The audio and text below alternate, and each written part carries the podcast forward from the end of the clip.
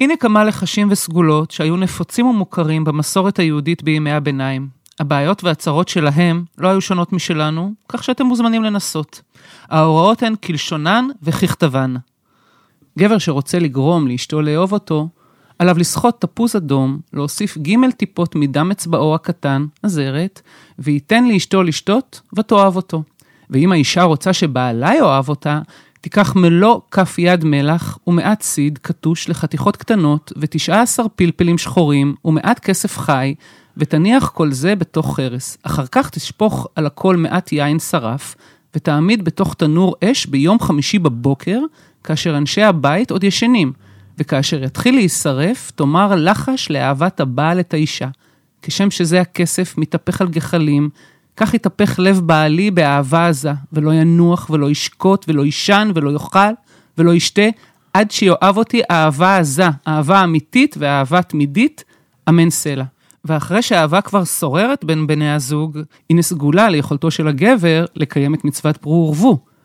עליו לטגן ביחד שום, ביצים, בשר, שמן זית ופלפל, ולאכול כארוחה ראשונה במשך שבעה ימים רצופים. ואם זה לא עוזר, על הגבר לקום בימי הקיץ, בשעה מוקדמת, ולשבת בגיגית המכילה מי באר קרים, כאשר כל פלג גופו התחתון שרוי במים קרים, עד שלא יוכל לסבול יותר. מתקשים להירדם בלילה? צריך לקחת קרן של עז, לשרוף אותה, לשים בבד, ולהניח מתחת לכרית. ואם אין לכם קרן של עז, אפשר לעשות את אותו דבר גם עם שן של איש מת. טוב, עכשיו זו באמת צרה. תקועים בפקקים, הנה לחש לקפיצת הדרך.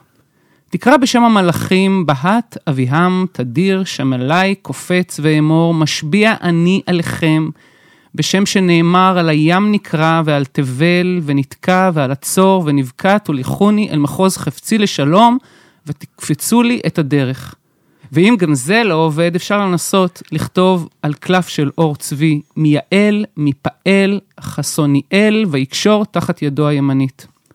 והכי חשוב, סגולה לאריכות ימים שבוודאות עובדת. להיזהר מדבר שקר, כי רוב השקרנים מתים בקצרות ימים.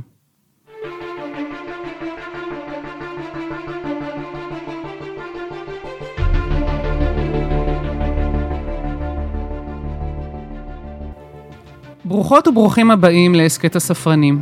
אני ורד ליאון ירושלמי, ואת הפרק הזה נקדיש לקמעות, לחשים ומאגיה, בעיקר ביהדות, וגם כמה מהאמונות המרתקות ביותר בהיסטוריה שלנו בשדים, ברוחות ובמכשפות. שלום לפרופסור גידי בוהק מהחוג לפילוסופיה יהודית ותלמוד באוניברסיטת תל אביב. שלום רב לך, שלום לכולם. כשאנחנו מדברים על מגיה, כשפים ולחשים, אנחנו בעצם הולכים אחורה עד בריאת העולם, בעצם ליום השישי של בריאת העולם, לפרק הזמן שלפי האמונה, האל סיים לברוא את הצומח והחי והאדם, עד יום שישי בשעות אחר הצהריים, אבל קצת לפני השבת, ובפרק הזמן הזה של בין השמשות הגיעו לעולם כל השדים, הרוחות הרעות, כל היצורים הבעייתיים. כן, כל המרעין בישין בהחלט הגיעו, זה אחד ההסברים לאיך הגיעו שדים לעולם, הוא שביום שישי בין השמשות, כשאלוהים ככה עוד ניסה מהר מהר לברוא עוד כמה יצורים חיים וזה לא הסתדר, אז הם נשארו מין יצורים בלי גוף, אבל עם רוחניות ועם נוכחות בעולם, והם מתרוצצים מקצה העולם ועד קצהו, ובהרבה מקרים גם גורמים נזקים. לא תמיד, לפעמים הם מאוד נחמדים, אבל בהרבה מקרים הם גורמים גם נזקים. והם לפי האמונה בעצם קיימים עד היום. הם קיימים עד היום, בהחלט. הם גם לא, זה לא המקור היחיד של uh, היווצרותם של שדים. היו עוד הרבה הסברים והרבה סיפורים על איך באו שדים לעולם. לכן גם יש המון סוגים של שדים והמון פעילויות שונות ששד, שמיוחסות לשדים. אז בעצם אנחנו רואים את הוויכוח והדילמה בין התפיסות השונות ביהדות כבר ממש מספר בראשית. כי מצד אחד יש איסור מפורש, אה, לעסוק בשדים ומכשפות, אבל מצד שני סיפורי המקרא גדושים בכשפים ומאגיות. אה, שאול שפונה לבעלת האוב, יוסף שפותר את החלומות, בכלל בארמון פרעה יש המון אה, סיפורים על כל מיני מטות שהופכים לנחשים ומקלות שהופכים לתנינים, אז איך, זה, איך מתיישבת הסתירה הזאת? אה, אז ככה, קודם כל יש פה עניין א' של שדים וב' של כשפים שהם לא תמיד קשורים זה בזה, זאת אומרת השדים הם מין תופעה טבעית בעולם של יהודים עד, עד העת החדשה, השדים זה משהו שקיים בטבע, זה משהו שגם עוזר להסביר המון תופעות כמו מחלות, כמו סופות, כמו בתים שמתמוטטים, כל מיני דברים מהסוג הזה. אה, ומצד שני יש כל השאלה של כשפים ומכשפים ומה מותר ומה אסור. ופה ספר דברים למשל הוא מאוד ברור, אני יכול לקרוא את זה, כן, בדברים י"ח מפסוק ט' ואילך, כי אתה בא אל הארץ אשר אדוני אלוהיך נותן לך, לא תלמד לעשות כתועבות הגויים ההם. לא יימצא בך מעביר בנו וביתו באש, קוסם קסמים, מעונן ומנחש ומכשף, וחובר חבר ושואל אוב וידעוני ודורש אל המתים. כי תועבת אדוני כל עושה אלה, ובגלל התועבות האלה, אדוני אלוהיך מוריש אותם מפניך.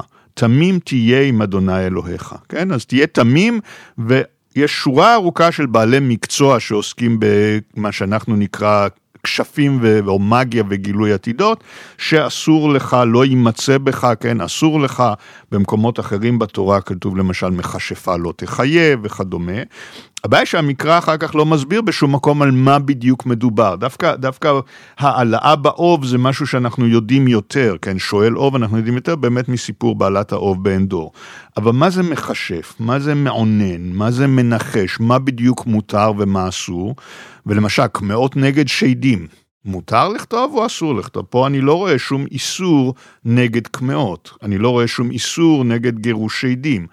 וגם, למשל בסיפורים על חרטומי מצרים שהזכרת, אז כשאנחנו רואים את משה ואהרון מתמודדים עם החרטומים, בעצם עושים, הם עושים בדיוק את אותו דבר.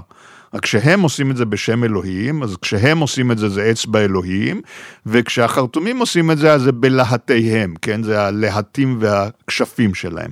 אז בעצם זה מין משחק כזה של anything you can do I can do better, והשאלה היא רק מה מקור הסמכות, כן? אם אני עושה את זה בשם אלוהים אז זה בסדר, ואם הם עושים את זה בשם האלים שלהם, או בטכניקות אחרות, אז זה לא בסדר. בסופו של דבר הצורך של אנשים לאורך כל ההיסטוריה האנושית להתמודד עם פחד, עם מוות, עם תופעות טבע לא מוסברות, כנראה גובר על, אה, על איסורים והלכות, מה שאנחנו מתמודדים ספק, איתם כל הזמן. בלי שום ספק. המנוע לצמיחה של כל התופעות התרבותיות האלה הוא הפחד האנושי המוצדק מאירועים טראומטיים, מחלה, לידה, מוות, אה, רעידות אדמה, מגפות כמו הקורונה שכולנו חווים כרגע. זאת אומרת, דווקא בשנתיים האחרונות יותר קל לנו להזדהות עם אנשים שחשים שעולמם הוא מלא ביצורים מפחידים שהם מסכנים שאין אותם. שאין להם הסבר. שאין להם הסבר והם רוצים להתמודד איתם בכל דרך אפשרית. אז בואו נתחיל לבדוק את הפרקטיקה של הקמעות ביהדות ממש בראשית ימי הביניים, אני מתכוונת למאות החמישית, שישית, שביעית, באזור מסופוטמיה, מה שאנחנו יודעים בין נהרות הפרת והחידקל. ואני מתכוונת לקערות השבעה. מדובר באלפי קערות חרס שנמצאו בחפירות ארכיאולוגיות שנחרטו עליהם טקסטים וציורים, והם היו בשימוש גם של יהודים וגם שלא יהודים, וכדאי גם לציין שבספרייה הלאומית שמורות כמה עשרות קערות השבעה כאלה. מה היה התפקיד שלהן? הקערות האלה, כמו שאמרת, יש לנו אלפי קערות כאלה שנכתבו בכמה דיאלקטים שונים של ארמית, כולל הדיאלקט שיהודים השתמשו בו ובכתב שכל ילד בבית ספר היום יכול לקרוא, והקערות האלה שימשו בעיקר להרחקת שדים, בעיקר להרחקת שדים מהבית, הם, הם היו קערות, זה כמובן לא קמע שאתה יכול לשאת עליך על גופך, כי זה קערות חרס, הן שבירות, והפרקטיקה כנראה הייתה לקבור אותן הפוכות, עם, ה, עם הפה כלפי מטה. בפינות של חדרים למשל, מתחת לרצפה, וזה שימש כסוג של מלכודות שדים. זאת אומרת, זה טיפ טיפה דומה נגיד למה שאנחנו עושים היום נגד יתושים, או שעושים נגד זבובים כאלה מלכודות. זה מלכודות שנועדו לכלוא את השדים, לגרש את השדים, ובהרבה מהם יש טקסטים מאוד ארוכים, ובטקסטים האלה בין היתר יופיע שמו של הלקוח, או שמם של הלקוחות. זאת אומרת, אני מגרש אתכם, כל השדים והליליות והדייבים והרוחות, ו... אוסף שלם של כינויים ושמות לשדים, מהבית של אדון X וגברת Y שיוזכרו בשמם, וזה ברור שהם הלכו וקנו או קיבלו קערה כזאת, לפעמים אפילו הרבה קערות לאותם לקוחות, ופיזרו אותם במקומות שונים בבית להגנה. אנחנו מדברים על תקופה שעדיין לא היו מזוזות על אה, בתים של יהודים, שאלה, או שזה היה בנוסף. זה שאלה מצוינת, האם היו מזוזות או לא. המושג מזוזה והתופעה של מזוזה כבר מוכרת, זאת אומרת, מזוזה כבר מוזכרת בספרות חז"ל, כך שברור שבתקופה הזאת, מאות חמישית, שישית, שביעית לספירה, יש יהודים שיש להם מזוזות בבית. האם ואין לנו מצד שני תיעוד ארכיאולוגי של זה, זאת אומרת המזוזות שיש לנו פיזית הכי קדומות הם מימי הביניים, מגניזת קהיר, כשהסיבה היא פשוט שהם נכתבו על קלף בעוד שהקערות נכתבו על חרסים וחרס נשמר וקלף לא, קלף נרקב. האם לאנשים שהיו להם קערות היה להם גם מזוזה וזה היה אקסטרה? זו שאלה מצוינת, של בוסטר. שאין לנו תשובה, אבל, אבל בהחלט סביר שכן, כמו בוסטר כזה, כן, בהחלט. ובתקופה הזאת אנחנו כבר מתחילים להבחין בכל מיני סוגי מגיה. יש מגיה שנועדה להילחם ברוע, ומגיה שאמורה לנבא את העתיד, ומגיה שצריכה לפתור בעיות של יומיום, כמו למצוא אה, בן או בת זוג ולגרש רוחות ולהצליח בעסקים. אז בעצם לפני כל החלטה גדולה או קטנה, התמודדות עם מחלות, אנשים הלכו להתייעץ עם אגיפקונים כי לא היה להם אופציה, משהו אחר לעשות. אה, היה להם, אבל אחת האופציות הייתה ללכת להתייעץ עם מגיקונים. הם יכלו גם ללכת להתייעץ עם אנשים שהידע שלהם יכול. קודם כל הם יכלו ללכת להתייעץ עם רופאים. ולפעמים גם הרופאים והמגיקונים זו אותה דמות. שוב, זה, זה מין תחום אפור בין רפואה למאגיה, שלא תמיד אנחנו יודעים uh, מה שייך למה. אבל uh, אנשים יכלו, כשהילד היה חולה, אז אנשים יכלו לקחת אותו לרופא, כולל אפילו רופא שיש לו מין תיאוריות יווניות גלניות כאלה של ארבעה נוזלים שבגוף ויש חוסר איזון בגוף ותיאוריות מהסוג הזה. או הם יכלו להגיד, בעצם נכנס בו שד ונלך למגרש שדים. אותו דבר גם בהחלטות אחרות, הם יכלו ללכת להתייעץ אפילו עם, עם הרשויות העירוניות, עם רשויות המדינה, עם דברים מהסוג הזה, יכלו ללכת להתייעץ עם רבנים, כבר יש חכמים באותה תקופה, ויכלו גם ללכת ולבקש מכותב קמעות שיכתוב להם קמע או קערה מהסוג הזה. כן, זה כנראה לא היה סותר אחד את השני, וראיתי שיש גם כמה מוצרים, חפצים, נוזלים, שמאוד נפוצים ושימושיים ודי חוזרים על עצמם ברצפטים השונים של הסגולות. הרבה מאוד שימוש בשתן, בדם, אורות של חיות, שיניים של בעלי חיים. אני אתן למשל דוגמאות מתחום של אה, סגולות, אה, מתחום הפריון, התמודדות עם בעיות של עקרות שהיו אז אה, מאוד נפוצות. אז האישה צריכה לערבב דם של תרנגולת שחורה וסומסום, או לקחת עצם של אייל ולקשור סביב ראשה, או לרחוץ במים אה, שבושלו קודם עם אה, ראש של כבש, וכל מיני מגיות על אור של צבי. אי אפשר היה פשוט להתפלל לאלוהים שיעזור? למה, למה היה צריך את התיווך הזה, את החומרים האלה שיעזרו? זאת שאלה מצוינת, והיו הרבה רבנים שהתלוננו של למה אתה לא מסתפק בתפילה לאלוהים. עכשיו, ההנחה שלי שחלק גדול מהאנשים שהשתמשו בחומרים ובטכניקות האלה גם התפללו לאלוהים. זה לא בא במקום, זה בא בתוספת. אבל שוב, זה אני לא יכול להוכיח, כי כל מה שיש לי זה את הממצא הפיזי של מה שנשאר אחריהם, או במקרים מסוימים את המרשמים שלפיהם הם עבדו. האם אותם הלקוחות, זאת אומרת, מזווית הראייה של הלקוחות, הייתי מאוד שמח ככה לחזור 1,500 שנה אחורה, וללכת למין כותב קמעות כזה, ולשאול את הלקוחות שלה, מה עוד אתם עושים? אתם גם מתפללים בבוקר או לא? אתם גם הולכים לבית כנסת לבקש רחמים או לא? אני לא יודע מה הייתה התשובה שלהם, ואני מניח שגם וגם, היו כאלה שהיו אומרים כן, והיו כאלה שאומרים לא, אני רק הולך לכותב קמעות. והיו כאלה שאומרים, אני בחיים לא אלך לכותב קמעות, אני רק לבית כנסת ואני רק אה, בוטח בהשם והוא יעזור. ולגבי באמת השימוש במה שנקרא בנוזלי הגוף שלנו? אז אה, תראי, זה משהו, קודם כל זה משהו אוניברסלי, זה במאגיות של הרבה מאוד אה, תרבויות קיימת התופעה הזאת, זה גם משהו, זה חומרים שהם קודם כל נורא זמינים.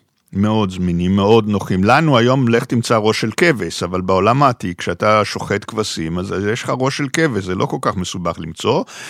יש נוזלים וחומרים שבהם גם עולה השאלה של טאבו, זאת אומרת, דם אדם וחלקי גופות אדם זה דברים שהם בעצם מטמאים במגע. אז שם זה כבר מין כזה, שם זה כבר נהיה יותר, אה, לא יודע מה, מגיה שחורה או מגיה בעייתית. אני בטוח שיש אנשים שלא התעסקו בחומרים כאלה, ויש אנשים שלהפך, דווקא החצייה של הטאבו, דווקא החצייה של הקו בין המותר לאסור, אמורה להעניק עוד כוח לפרקטיקה המאגית שלהם. אבל שוב, הייתי שמח לחזור בזמן ולשאול אותם, למה אתה משתמש בזה ולא בזה? מה... תשובה אחת שברור לי שהם היו אומרים, זה זמין. ושככל שאני משתמש בחומרים פחות זמינים, ככה אני דורש יותר תשלום מהלקוחות. בזה אין לי שום ספק. זאת אומרת שאם הם היו כותבים לו קמע על לוחית זהב, זה היה עולה יותר מאשר קמע על פיסת קלף או על לוחית ברונזה. אז בואו נתקדם לאזור המילניום הראשון, המאות התשיעית, עשירית, 11, ואני מתכוונת לגניזת קהיר, שאתה חקרת לעומק, ובגניזת קהיר, היכן שנמצאו מאות אלפי כתבי יד שמתעדים את חיי היומיום של ההיסטוריה היהודית, מהמאות הראשונות לספירה ועד uh, למאה ה-19, ישנם גם כ-4,500 טקסטים מאגיים שעוסקים בלחשים וקמעות. מה מאפיין את המאגיה הזאת של תקופת ימי הביניים? אה, מה שמאפיין את המאגיה הזאת של, של ימי הביניים שבגניזה זה ריבוי, קודם כל מה שמאפיין זה מבחינה לשונית, זה טקסטים מאגיים, רוב הטקסטים המאגיים בגניזה הם או, או בעברית או בארמית, שבדרך כלל מעיד על עתיקותם, על היותם העתקים של טקסטים מתקופות מוקדמות יותר, או בערבית, בדרך כלל בערבית שכתובה באותיות עבריות, מה שאנחנו קוראים ערבית יהודית, ולפעמים בערבית כתובה באותיות ערביות, ומה שמאפיין אותה זה ערבוביה אינסופית של, של טכניקות מאגיות שונות. ושל מטרות מאגיות שונות. לכל מטרה אפשרית שיהודי בימי הביניים יכול להזדקק לה, יש פרקטיקה מאגית, והפרקטיקות האלה, חלקן הן פרקטיקות יהודיות עתיקות יותר, חלקן מגיעות מהעולם המוסלמי במאות התשיעית, עשירית, 11, 12, לפעמים אפילו יש דברים שמגיעים מאירופה הנוצרית, זה יותר נדיר, אבל גם זה קורה. נכון, סביר להניח שיש השפעה מתרבויות אחרות, אנחנו מדברים על תקופה של אה, שיא כוחן של הדתות המוניתאיסטיות, נכון. גם הנצרות וגם האסלאם. בהחלט, ו- ובכלל, בכל הנושא של המאגיה, גם אחד הדברים שאותי אישית, אחת הסיבות שאני חוקר מאגיה, זה שבמאגיה כל הגבולות בין הדתות הם יותר מטושטשים מאשר נגיד כשאתה הולך לבית כנסת או לכנסייה או למסגד. כשאת הולכת לבית כנסת, בתפילות את תשמעי מעט מאוד חומרים שנכנסו מה, נגיד מהעולם המוסלמי או הנוצרי. הנוצרי, כי זה כל הזמן מסונן החוצה, כי אנשים מרגישים לא נוח בתפילה הציבורית להכניס דברים שבאופן ברור הגיעו ממקור זר. במאגיה זה לא עובד ככה, במאגיה אנשים הרבה פחות רגישים לזה, בין היתר כי רוב האנשים הפעילים בתחום, המגיקונים או כותבי הקמעות, הם יודעים מה יש להם, לא תמיד הם יודעים שזה הגיע ממקור זר, אבל אפילו אם הם יודעים אם זה עובד זה טוב, והלקוחות לפעמים יודעים מה כתוב בקמע שלהם, לפעמים אפילו זה לא, וזה הכל איכשהו מתנהל מתחת לרדאר של הסמכות. הסמכויות הרבניות או המשפטיות וכדומה, ואז הרבה יותר קל להכניס גם דברים שהגיעו מתרבויות זרות. תן לי דוגמה למשל איזשהו סוג של אה, קמע או סגולה שאתה ממש רואה שיש אה, חפיפה מוחלטת, נגיד בין השכנים המוסלמים. והיהודים. בלי שום קושי. אני אתן לך דוגמה, כל העולם של השיידים, אמרנו כבר קודם ששיידים יש בתרבות היהודית כבר מתקופת בית שני, הטענה היא שהם נוצרו כבר בבריאת העולם. ו... יש הרבה סיפורים על שדים בתקופות מאוד מוקדמות, בתלמוד יש הרבה שדים, אבל אז כשיהודים באים במגע עם העולם המוסלמי, אנחנו רואים המון שדים שמגיעים מהעולם המוסלמי, למשל שד בשם שמהוריש. כן, אז שמהוריש או שמהורש, כל אחד מבטא את השם קצת אחרת, שדים בשם מימון, את מכירה את המימונה ואת מכירה את השד מימון, ומימון בא בהמון צבעים, יש מימון האדום ומימון השחור ומימון הירוק ומימון הצהוב, זה הכל מגיע מהמאגיה המוסלמית לתוך המאגיה היהודית, ובהרבה מקרים יש גם אה, ממש ריטואלים, כמו שאת מכירה נגיד באלאדין ומנורת הקסמים. כן, כן אה, של... ג'ין ומג'נון ו... אז הג'ין והמג'נון, זאת אומרת, קודם כל הג'ין, המג'נון זה זה שנכנס בו שד והוא גורם לו נזק, אבל יש גם ג'יני טוב. באלאדין כל הרעיון הוא שהג'יני הופך למשרת שלך. והרעיון הזה של בוא נעשה, בעברית זה נקרא קביצת שדים. בוא נקבוץ את כל השדים למקום אחד, נכניע אותם, ואז נהפוך אותם למשרתים שלנו, ואנחנו יכולים לשלוח אותם בשליחויות שונות לרחבי העולם. זאת פרקטיקה שיהודים הכירו עוד לפני הכיבוש המוסלמי, אבל, אבל בעולם המוסלמי היא מאוד נפוצה, וזה משפיע חזרה על העולם היהודי עד ימינו. את יכולה לראות למשל מקובלים שעלו ממרוקו, ושעד היום עושים טקסים כאלה, זה נקרא, היום זה נקרא איסטינזל. איסטינזל בערבית זה הורדה, כלומר בוא נוריד את השדים למטה, נראיין אותם, נשאל אותם שאלות, למשל על מה יהיה בעתיד, על מה יקרה לאנשים מסוימים, על האם איש מסוים הוא חי או מת, שאלות מהסוג הזה, כי הם הרי יודעים המון, או בוא ממש נשלח אותם בשליחויות, תלכו להרוג את ההוא, תלכו למצוא אוצר שם, תעשו כל מה שיש באלאדין ומנורת הקסמים, ואת זה עושים אה, מקובלים יהודים עד ימינו. כן, ואני, האמת היא שגם כשחושבים על זה, יש לא מעט מילים שנמצאות איתנו עד היום משפות זרות. אה, דמון למשל, זה שד ביוונית, וג'יניוס, גאון, גניוס, זה היה ברומאית שדים, זאת אומרת, המילה עצמה הפונטיקה של המילה בעצם נשארת איתנו. לחלוטין, מ... והמילה שהכי נשארת איתנו זה המילה מגיה, שמוצאה כמובן בכלל בעולם היווני, מגיה, ואז בלטינית מגיה, וזה בעצם התחיל כמילה לתאר את הדת של הפרסים, של האמגושים, של כהני הדת הזורואסטרית. זה נכנס אה, לתוך כאמור ליוונית, ללטינית, משם לכל שפות אירופה, וכשאני משתמש במילה מגיה או מגיקון, זו מילה ש-2500 שנה כבר משמשת לתופעות מהסוג הזה.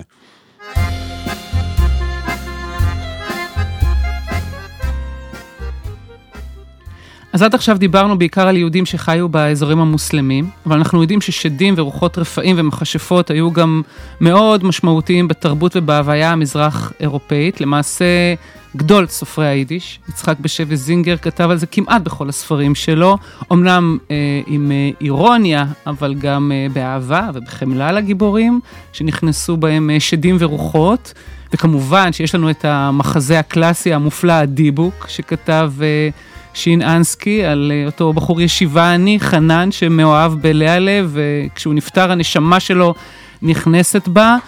אז אנחנו יודעים שהאמונה בשדים, רוחות ומכשפות חוצה את כל הקהילות בעולם היהודי. השאלה אם יש הבדל בין מגיה של יהודים שחיו בקרב נוצרים לבין יהודים שחיו בקרב מוסלמים.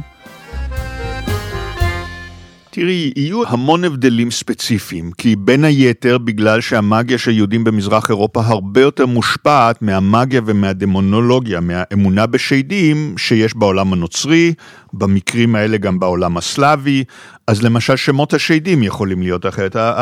הטקסטים המאגיים ממזרח אירופה, היהודים הרבה פעמים מכירים את מימון השד למשל, אבל אצלם יהיה יותר לילית והשמות של לילית, שמות כמו שטריגה ואביזו, שזה הכל שמות שהגיעו מתוך העולם הנוצרי שסביבם, וברור שהם מאמצים את האמונות על השדים, על השדים שגרים ביערות של מזרח אירופה, על השדים שמסתובבים בביצות, וגם בנושא של הדיבוקים, זה משהו שעולה בתקופות מסוימות, זאת אומרת דיבוק אם חושבים על זה, זה טיפ טיפה שונה מאשר איחוז על ידי שד. כי שד הוא יצור עצמאי, דיבוק, נגיד בסיפור של חנן ולאה, זאת אומרת, זה הרוח של אדם מוכר, אנחנו יודעים מי זה האיש הזה, ולהפך, המגרש דיבוקים, אחד הדברים שהוא יעשה, הוא ינסה לראיין את הדיבוק, הוא ינסה להבין מי הוא, והדיבוק במובן שם לא רצה להיכנס לתוך האישה או לתוך האיש שהוא נכנס לתוכם. אז המראיין, המקובל, ינסה להבין מה אפשר לעשות כדי לעזור לו. כדי שהוא יעזוב את אותה לאלה, כן? זה, זה ה... וזה שונה נגיד מאשר שדים, שאם הם נכנסו בבן אדם, אתה רוצה לגרש אותם וזהו. במובן הזה, אין שוני בין יהודים שהגיעו מארצות האסלאם ויהודים ממזרח אירופה, כי כשדיבוק נכנס, דיבוק נכנס. נכון, הפרקטיקה, הפרקטיקה העיקרית היא השבעה. משביע אני עליך בשם מי שאמר והיה העולם, ומשביע אני עליך בשם אה, אוסף שלם של שמות ופרקטיקות ופסוקים, וזה יהיה אותו דבר גם לגרש שדים וגם להוציא דיבוקים.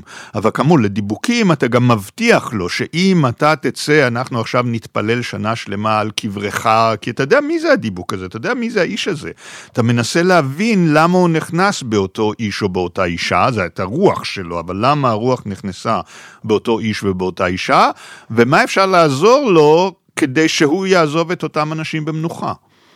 אני מניחה שתהליכי איור, מעבר מחברה כפרית לעירונית, השכלה, חילון, זה משהו שמאוד אה, משנה את היחס אה, למאגיה, וכמובן המהפכה המדעית שהביאה לנו את ה...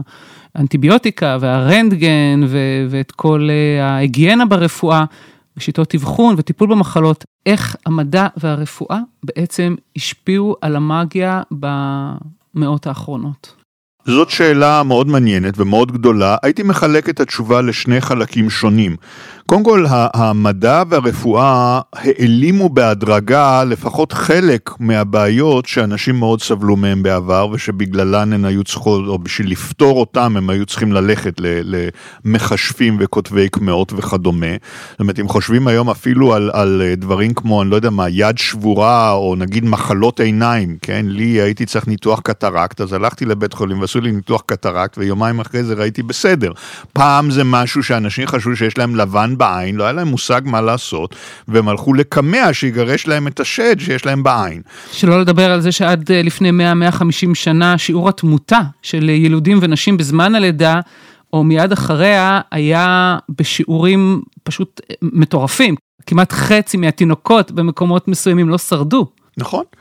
זאת אומרת, אחד הדברים שהשתנה, שהרפואה והמדע המודרני שינו, זה שהרבה דברים שפעם היית צריך בשבילם איש, או יכולת לפנות לאיש שעוסק נגיד בקבלה מעשית או בכתיבת קמיעות או בגירוש שדים, היום תלכי למקובלים, תגידי לילד שלי יש חום, הוא יגיד תקחי אותו למיון, הוא לא יגיד תבואי אליי.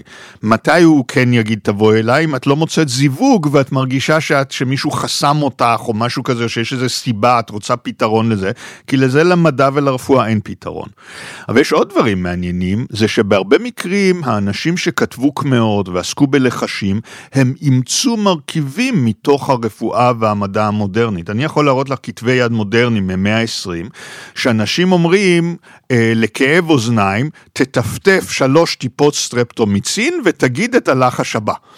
כן? זאת אומרת, זה גם וגם. אני גם לוקח את הרפואה המודרנית, וזו תופעה שכבר מתחילה במאה ה-18. רואים בכתבי יד אשכנזים של אנשים שעוסקים במה שהם קוראים קבלה מעשית, וחלק מהדברים זה לתשביע את השד או את הדיבוק ככה וככה, וחלק זה תלך לאפוטקה, לבית מרקחת, ותקנה את החומר הזה והזה, ותערבב אותו עם ככה וככה, ותגיד עליו את הלחש הזה והזה. כלומר, מבחינתם השיקול העיקרי הוא לא מדע מול מגיה או דברים כאלה, אלא אם זה עובד. אם זה עובד, אז למה לא? בסופו של דבר הרבה מהם איבדו את הפרנסה שלהם בגלל שזה עבד יותר מדי טוב, בגלל שאוסף שלם של שירותים שפעם הם הציעו ללקוחות, היום הלקוחות לא זקוקים לזה, כי כל רופא יודע לעשות זה הרבה יותר טוב. אתה יודע, לקראת התחקיר לפרק הזה נכנסתי לכמה הרצאות של קבליסטים, ביוטיוב, יש עשרות כאלה, ואחד הדברים שמאוד בלטו בהרצאות של כל המרצים האלה, זה באמת ההליכה שלהם אה, לצד המודרניזציה והטכנולוגיה. אה, ומעניין אותי אה, מה, מה דעתך, למשל, הייתה שם אישה שהתלוננה שהיא מפחדת מכלבים. אז המרצה שלח אותה לאתר מכירות סיני, מקוון, ואמר לה שהיא יכולה למצוא שם אה, שן של כלב שחור, לתלות אותה על השרשרת, בצוואר, על הצוואר, וזה יעביר לה את הפחד. והיה עוד קטע אחד ממש נחמד, שאישה שהתלוננה שיש עליה עין רעה, אז הרב אמר לה שהיא צריכה לשחוט תרנגולת בבית שלה ולקרוא איזה משהו, והיא לא הסכימה. היא התחילה להתווכח איתו שהיא לא רוצה לפגוע סתם בחייו, שזה יעשה לה מלא לכלוך בבית ודם, ואז הוא אמר לה, אוקיי, בסדר, אז בואי תקחי רצפט אחר. אז מה, יש פה יחס אחר של הלקוחות למאגיה? אין שום ספק. תראי, ללקוחות קודם כל יש מגוון מאוד גדול של אפשרויות ללכת אליהם. זאת אומרת, כאמור, הם יכולים ללכת לרופא, הם יכולים לעלות לקברי צדיקים, הם יכולים ללכת אל אותו מקובל, הם יכולים לעשות הרבה דברים שונים. אבל אני גם חושב שזה תמיד היה, אפילו בעניין של היצע וביקוש, הרי גם זאת שאלה של היצע וביקוש, כי תחשבי גם לפני 1500 שנה, אם הלכת לכותב קמעות והוא אמר, תשמעי, הכי טוב זה שאני אכתוב לך קמע על לוחית זהב, אבל זה יעלה הרבה כסף ואין לך, אז הוא אומר, שמע, תעשה לי משהו על ברונזה, זה יהיה יותר זול, אבל זה גם יעבוד, כן? זאת אומרת, זה, השאלה של מה הלקוח, או דבר אחר, אם היו אומרים לך, למשל, תראי, הדבר הכי טוב פה זה שומן חזיר, ואת אומרת לו, לא, אני יהודייה, אני לא נוגעת בשומן חזיר, אז יגידו לך, טוב, אז בואי נמצא משהו שיהיה במקום.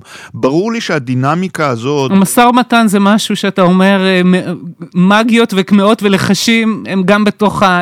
יש גם הרבה כלכלה. יש המון כלכלה, המון כלכלה, המון שיווק, והמון שאלה של גבולות, של מה אני מוכן ומה אני לא מוכן. וזה, שוב, נורא קשה לי לשחזר את זה מהעולם העתיק או מהגניזה.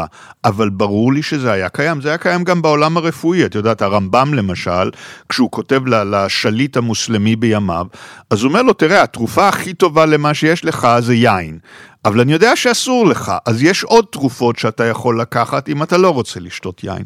למרות זה... שלהגיד את הרמב"ם בפרק כזה, זה קצת ככה להכניס צלם בהיכל, כי הרמב"ם מאוד התנגד אה, לקמעות ולחשים. הרמב"ם מאוד התנגד לקמעות ולחשים, זה נכון, אבל הדינמיקה הזאת שבין מטפל למטופל, בטכניקות אחרות, בטכניקות שלו, אבל את הדינמיקה הוא הכיר מצוין. וזו אותה דינמיקה, זו הנקודה שחשוב לי, שחשובה לי. כלומר, הדינמיקה שבין המטפל למטופלים, היא לדעתי אותה דינמיקה באלפיים השנה האחרונות.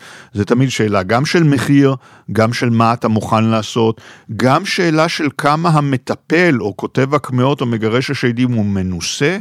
כמה הוא משכנע אותך או אותך הלקוח שהוא באמת יודע מה הוא עושה, כי אם לא אתה תלך למישהו אחר. זה השאלה הזאת של מי, מי מצליח בשוק הזה ומי לא, זה משהו שאת יכולה לראות גם בימינו. תראייני מקובלים או תלכי לראות אנשים שעוסקים בקבלה מעשית, אצל חלקם אתם תראי, את תראי שיש להם משרד ו-20 אנשים מחכים לטיפול, וחלקם את תראי שאף אחד לא בא אליהם, הם לא הצליחו. למה? אני לא יודע, כריזמה אישית, יכולת שיווק, כל מיני דברים כאלה, אבל ברור לי שזה חלק מהעסק. אנחנו מכירים את תופעת הפלצבו, מדברים היום על כך שלא מעט אנשים שמשתתפים בניסויים רפואיים ולוקחים את תרופת הדמה, היא משפיעה עליהם לטובה, ובעולם הרפואי מדברים היום על הקשר בין המערכת האימונית שלנו לרגשות חיוביים או שליליים, לאנשים אופטימיים יש ככל הנראה מערכת חיסונית טובה יותר, אז יכול להיות שהאמונה בהצלחת המרשמים של הלחשים והקמעות, היא כשלעצמה יכולה לשפר או לפתור את הבעיה, ואולי גם זו סיבה שאנשים רבים מאוד, גם היום במאה ה-21, עדיין נעזרים בפרקטיקות האלו. בהחלט, זאת אחת הסיבות. גם היום רואים, אחת התופעות המאוד מעניינות, זה דווקא רופאים בבתי חולים, שהם אה, לכאורה אמונים על, על שיא הרציונליזם והמדע. לפני 30-40 שנה, כשהיו באים אליהם אנשים לחדר מיון ולאשפוז עם קמעות, הם אומרים, תעזבו את כל השטויות האלה. היום רובם לא מדברים ככה. היום רובם יגידו, אם אתה רוצה, ואם זה לא, אתה יודע, אם אין פה שום שאלה של היגיינה או משהו, אין לנו שום בעיה עם זה. גם רואה את זה ביחס של קופות החולים, לכל הנושא של רפואה משלימה, רפואה אלטרנטיבית, מכל סוג ומין שהוא, שהם באים ואומרים, אם הלקוחות רוצים את זה, ואם אין סיבה רפואית שתגיד זה מזיק, אז רק בשם זה שאנחנו הרציונליסטים המערבים לא מאמינים שזה עובד, אין שום סיבה לפסול את זה. אם אנשים מאמינים שזה עובד, ואם זה טוב להם, ושוב, ולא גורם נזק, אדרבה שיעשו. אני רוצה לקראת אה, סיום לדבר איתך על הגבול שאתה רואה בין העולם היהודי ההלכתי אה, לבין אה, כל הנושא הזה של שדים וכשפים. למה אני מתכוונת? אנחנו יודעים למשל שבצד האחורי של קלף המזוזה כתוב סוג של צופן, השם האלוהי, בהזזת אות אחת. או למשל, אנחנו יודעים שבתקופה התלמודית היו יהודים שנקברו עם טיליונים וצמיגים ותכשיטים שנכתב עליהם שמע ישראל, שזה הצהרת האמונה הבסיסית ביותר ביהדות. אז איפה באמת עובר הגבול בין האמונה המסורתית למה שיכול להיחשב כפולחן מגי? זאת שאלה מצוינת, שאני בתור פרופסור באוניברסיטה מקדיש לה סמינרים שלמים, אז אין לי תשובה של, של ככה משפט אחד. אם הזכרת את שמע ישראל, אני אנצל את ההזדמנות אה, לספר על תערוכה שיש עכשיו במוזיאון ישראל, שנקראת שמע ישראל על קמעות, סגולות וכשפים. וזו תערוכה מאוד מעניינת שעוסקת בדיוק בנושא הזה של התפר בין דת למאגיה בעולם היהודי.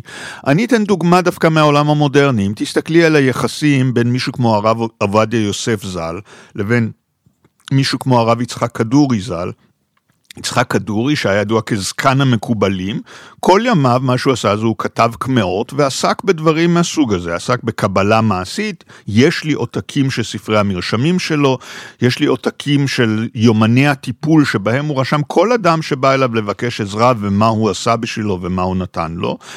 ומצד שני עומד מישהו כמו הרב עובדיה יוסף, שהוא גדול הפוסקים בדור שלו, ואדם שהוא לחלוטין הלכיסט ורציונליסט, אבל כשהוא זקוק ליצחק כדורי לצרכים פוליטיים, כי ש"ס אה, חושבת שהיא יכולה לקבל עוד קולות דרך הרב כדורי, אין לו שום בעיה לעשות איתו עסקים ולעשות איתו שותפות ולגייס גם אותו לש"ס. כלומר, את רואה שם איך הממסד הדתי, מצד אחד הוא לא מעורב, הרב עובדיה יוסף לא כתב קמעות, אני גם לא חושב שהוא התנגד לקמעות כשאנשים שאלו אותו אם, מה, אם מותר ללכת לרב כדורי ולקבל ממנו קמעות, אני גם לא חושב שהוא עודד אנשים לזה, אבל כשהוא היה צריך את הרב כדורי לא הייתה לו שום בעיה עם זה. זאת אומרת, הוא לא ראה בו אויב או יריב או מישהו שהוא מחוץ לגדר, שאוי ואבוי מישהו שעושה דברים כאלה. לחלוטין לא. לקראת סיום מעניין אותי לדעת אם אחרי עשרות שנות מחקר שלך יש איזה שד או מכשפה שאתה מסמפת במיוחד? שד ומכשפה דווקא לא, אבל uh, אני, תראי, אני אספר לך סיפור לסיום על, על דברים שקרו ועל ההבדל בין חשיבה מגית, נגיד, לחשיבה שלי, ואיך אחרי כל השנים שאני חוקר מגיה, אני עדיין לא חושב כמו המגיקונים עצמם. אני לפני הרבה שנים, לפני משהו כמו 12 שנה, הבן שלי, אה, נעקץ על ידי עקרב, כן? בדירה ברעננה, לא באיזה קמפינג במדבר, הוקש על ידי עקרב, לקחנו אותו לבית חולים, בילינו 24 שעות ושחררו אותו הביתה ולא קרה כלום. וחצי שנה אחרי זה פתאום נזכרתי שאני בעצם לפני כן כתבתי שני מאמרים שונים על קמעות נגד עקרבים בגניזה. בגניזת קהיר, בגלל שבמצרים יש המון עקרבים, יש המון קמעות נגד עקרבים, ואני כתבתי מאמר על התופעה הזאת. עכשיו, כל אדם שהיה חי נגיד בימי הביניים, בעולם של ספר חסידים, של חסידי אשכנז, או בעולם של הגניזה. היה בטוח שהם באו להתנקם בך. היה בטוח שהם באו להתנקם בי, זאת אומרת שמי שבספר חסידים כתוב מי שמתעסק עם שדים, השדים יתעסקו איתו. זאת אומרת שבגלל שהתעסקתי עם עקרבים וכתבתי הקמעות נגד עקרבים, אז הם באו להתנקם בבן שלי. לי זה לקח חצי שנה אחרי האירוע עד שבכלל עשיתי קישור בין שני הדברים האלה, כי אני בכלל לא חושב ככה, ובשבילי זה שתי ספרות נפרדות אגב, לחלוטין. אגב, איך הם, איך הם התמודדו עם עקיצות אז בימי אה, הביניים? לא היה להם כל כך איך להתמודד, זה אחד מהדברים שגרם לתמותה, זאת אומרת בפירוש לא היה להם, היו להם כל מיני דברים, הם ידעו למצוץ רעל מתוך פצע והם ידעו דברים כאלה והם ידעו למשור, למרוח על זה כל מיני חומרים. אבל מעבר לזה הם שמו קמעות, הם שמו קמעות גם על הקירות מראש, וגם אנשים, ילדים, הלכו עם, עם קמע על הצוואר נגד הקשות של הקרבים. זו הייתה בעיה מאוד קשה, במצרים זו דוגמה מובהקת, בכל צפון אפריקה, זה בגלל שיש שם הרבה חול והרבה מדבר, אז יש הרבה עקרבים, וזו הייתה סכנה מאוד גדולה. בימינו זה כמובן משהו הרבה יותר נדיר, אבל שוב, הנה עובדה שחוקר המאגיה בדיוק נתקל בהם דווקא ברעננה.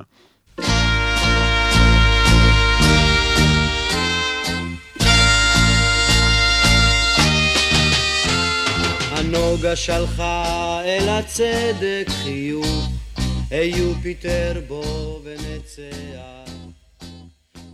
טוב, תשמע, פרופסור בוהק, אתה בחרת בתחום מחקר מרתק, ואני רק אציין שמי שהנושא הזה מעניין אותו מוזמן להיכנס לבלוג של הספרייה הלאומית, יש בו כתבות ותיעוד של טקסטים מאגיים שנמצאים בספרייה ועוד הרבה סיפורים על מכשפות, שדים ומלאכים טובים ורעים לאורך כל ההיסטוריה היהודית. אני מאוד מודה לך, פרופסור גידי בוהק. בשמחה, תודה לכם. תודה לעורך עמית נאור, למפיק דניאל גל. אני ורד ליאון ירושלמי, ואתם מוזמנים לשמוע את כל פרקי הסכת הספרנים בכל יישומוני ההסכתים, בפלטפורמות הדיגיטליות של הספרייה, או פשוט תכתבו בגוגל. פודקאסט הספרנים, נשמח אם גם תדרגו את הפודקאסטים שלנו בנדיבות באפליקציות של ספוטיפיי, גוגל ואפל, וכמובן, אתם מוזמנים להירשם ולקבל עדכונים על פרקים חדשים. להתראות. כאלה אינני אוהבת על זנב השביט שהוא לא יביט, נתפוס לנו רגע לשבת. זה לא מעט שצדק וונוס לבד יוצאים לבלות יד ביד, יד ביד, יד ביד, בשמיים.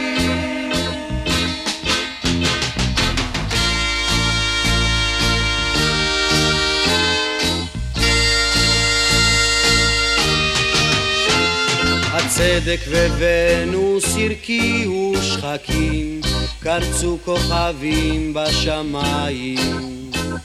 הכסיל לבדו סך ללא פיקפוקים, הביטו זה זוג משמיים. ורק מאדים בצד העדים, גם לא היא תצמיח קרניים. זה לא מעט שצדק וונוס לבד יוצאים לבלות יד ביד, יד ביד, יד ביד בשמיים